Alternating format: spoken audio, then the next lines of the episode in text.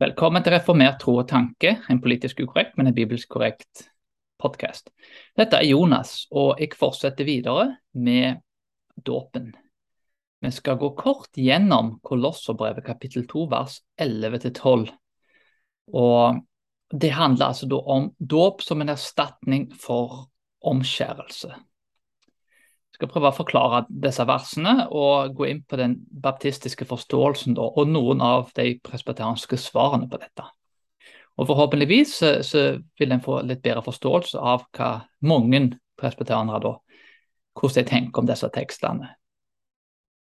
Vi vet det at dåpen er omskjærelsens erstatning.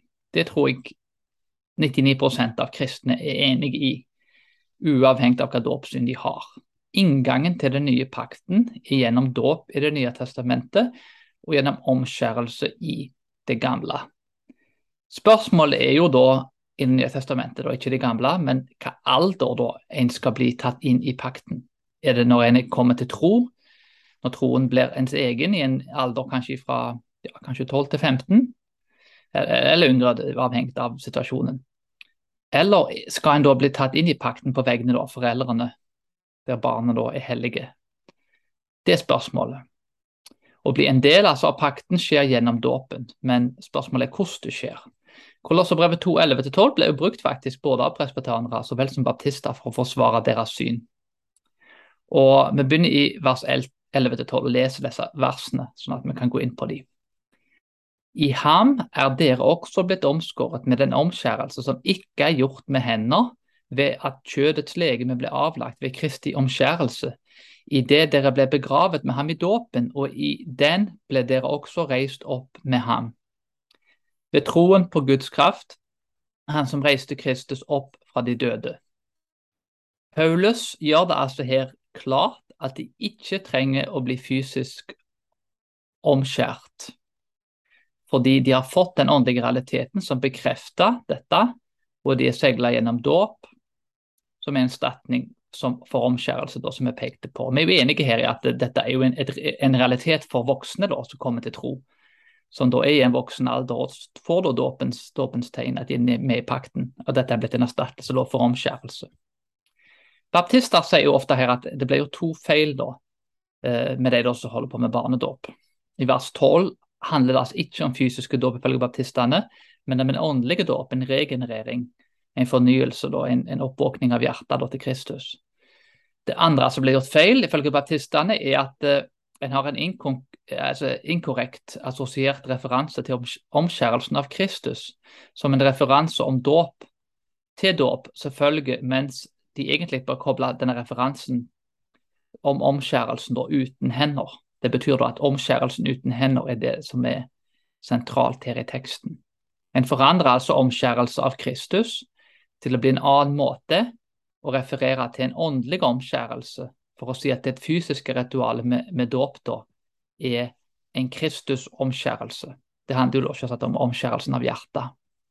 Baptistene mener da at en åndelig omskjærelse, en regenerering, altså ikke fysisk dåp, har erstatta inngangen til kirka og den nye pakt.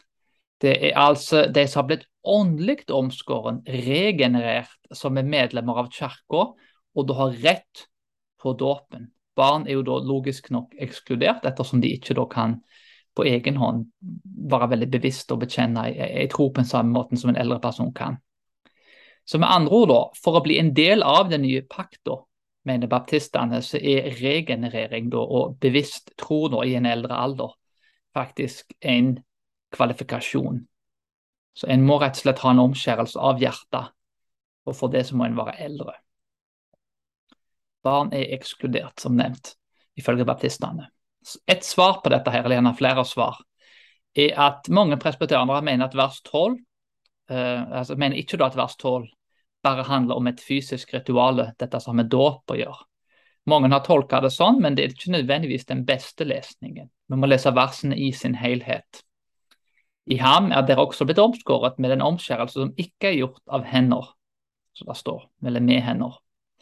Paulus forteller kolosserne at de ikke trenger en fysisk omskjærelse fordi kristne var fullverdige i Kristus pga. deres åndelige omskjærelse og regenerering Paulus var i en sammenheng der omskjærelsespartiet, da, ei jødiske, halvjødiske gruppe iallfall, ville at kristne skulle omskjæres for å bli ordentlig kristne. Liksom det ekte kristne, det blir omskårne. Paulus gjør det tydelig at Kristus er nok. De trengte ikke en fysisk omskjærelse i den nye pakt. De han snakka til, var hedninger, da, folk da, som da ikke var etniske jøder. De fleste av de der, det var jo at jøder involvert her. Etniske jøder, det, som da var blitt kristne. Uh, vi ser at det står at ved at kjødets legeme ble avlagt ved Kristi omskjærelse. Paulus fortsetter altså her og sier at Paulus gir et bilde at forhuden på kroppen er fjerna. Det er hele kroppen, altså sunnen da i kjødet, som er blitt tatt bort. Den åndelige omskjærelsen er altså bedre enn den fysiske omskjærelsen. og Dette er jo da bekreftet av Paulus.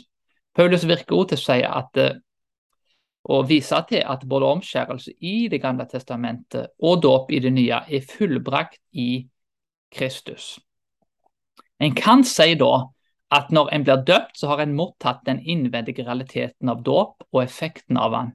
Og når du plasserer tilliten til Kristus, så har du fått den endelige omskjærelsen som en kontinuerlig mening, som da er en omskjærelse i Kristus. Videre så ser vi i det dere ble begravet med ham i dåpen, og i den ble dere også reist opp med ham ved troen på Guds kraft, han som reiste Kristus opp fra de døde. Paulus kobler omskjærelsen med dåp og sier at Gud reiste opp kolosserne fra den åndelige døden og ga dem en tro, noe som ble vist i dåpen, altså bildet i dåpen.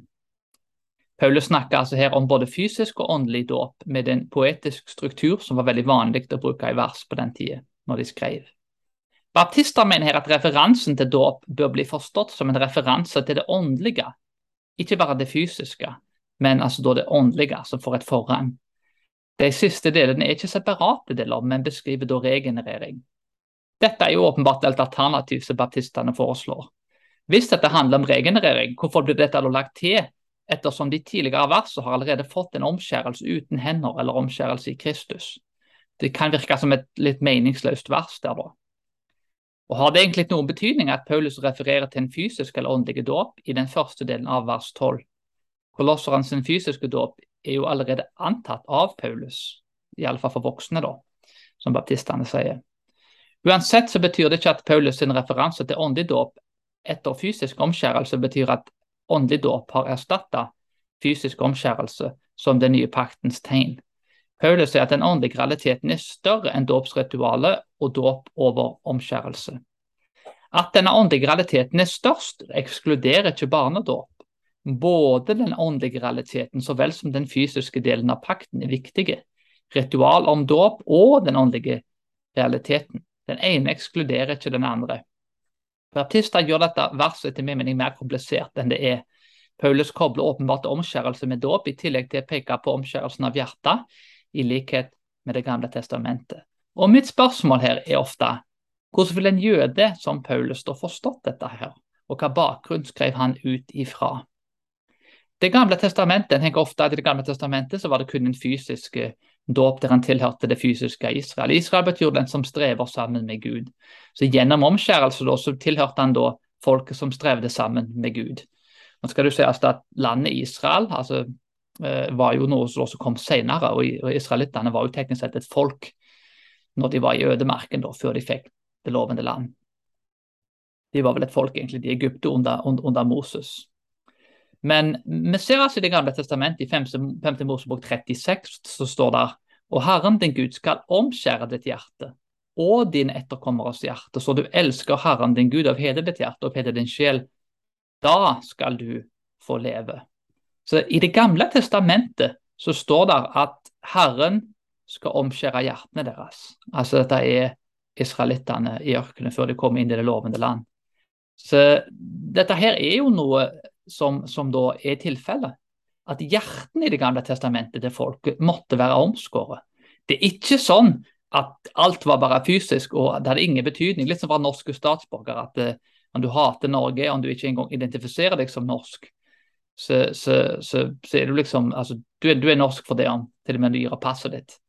Uh, en kan jo gjerne si da, at en, en, en blir jo til en viss grad da uh, uh, altså En har født opp i det norske riket, da. men hvis en velger å give opp passet sitt, så har en faktisk ikke lenger noen rettigheter som norske statsborger. En har gitt opp den norske identiteten sin.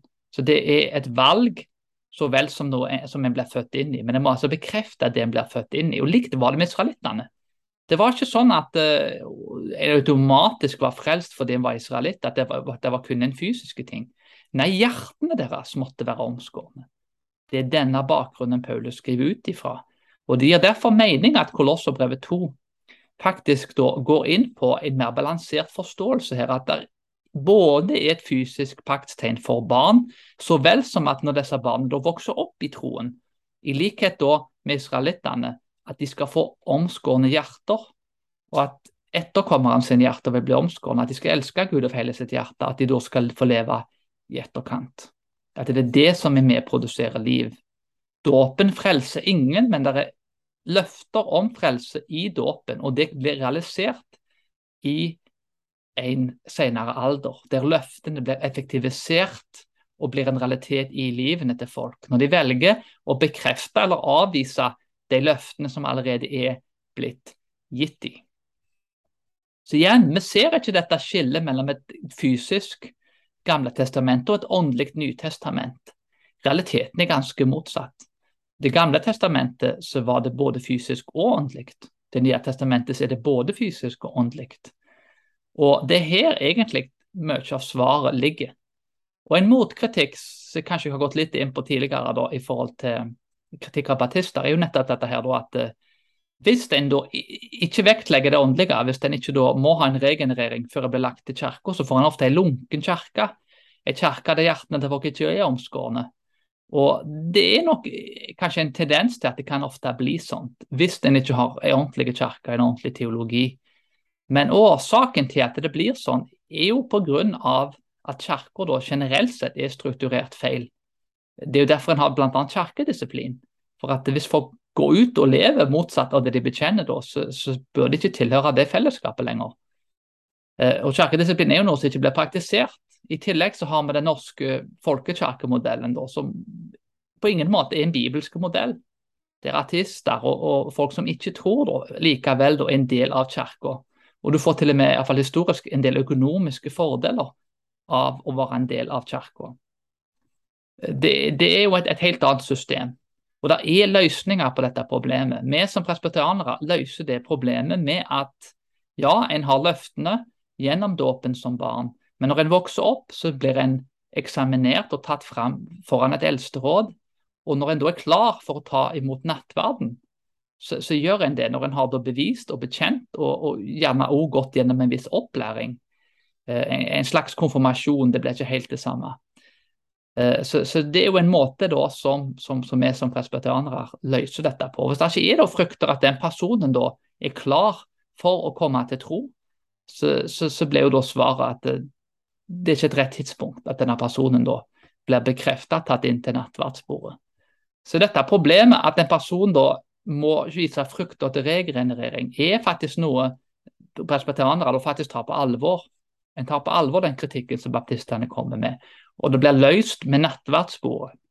En kan gjerne si da at uh, uh, en, en, gjør det på en litt annen måte. Den objektive biten da, med dåpen, den kommer som spedbarn. Den får en del av, og løftene får en del av som spedbarn. Mens den subjektive biten, den indre effektiviseringen av disse løftene, den indre regenereringen, når den blir realisert, det må en faktisk vise frukter til. Og en blir ikke, for som regel da, ikke ta del i nattverdsbordet før en har vist de fruktene. Så dette er et problem altså, som blir tatt på alvor, og som blir prøvd og blitt løst. Forhåpentligvis så var dette til hjelp og til oppbyggelse å prøve å forstå disse versene, og hvordan da de som ikke alle selvsagt, men iallfall presbyterianere tenker da om Kolosserbrevet 2.11 til 12. Til tross for at det åpenbart er ulike meninger og forståelser blant presbyterianere. Men det var alt for i dag. Vi snakkes snart igjen.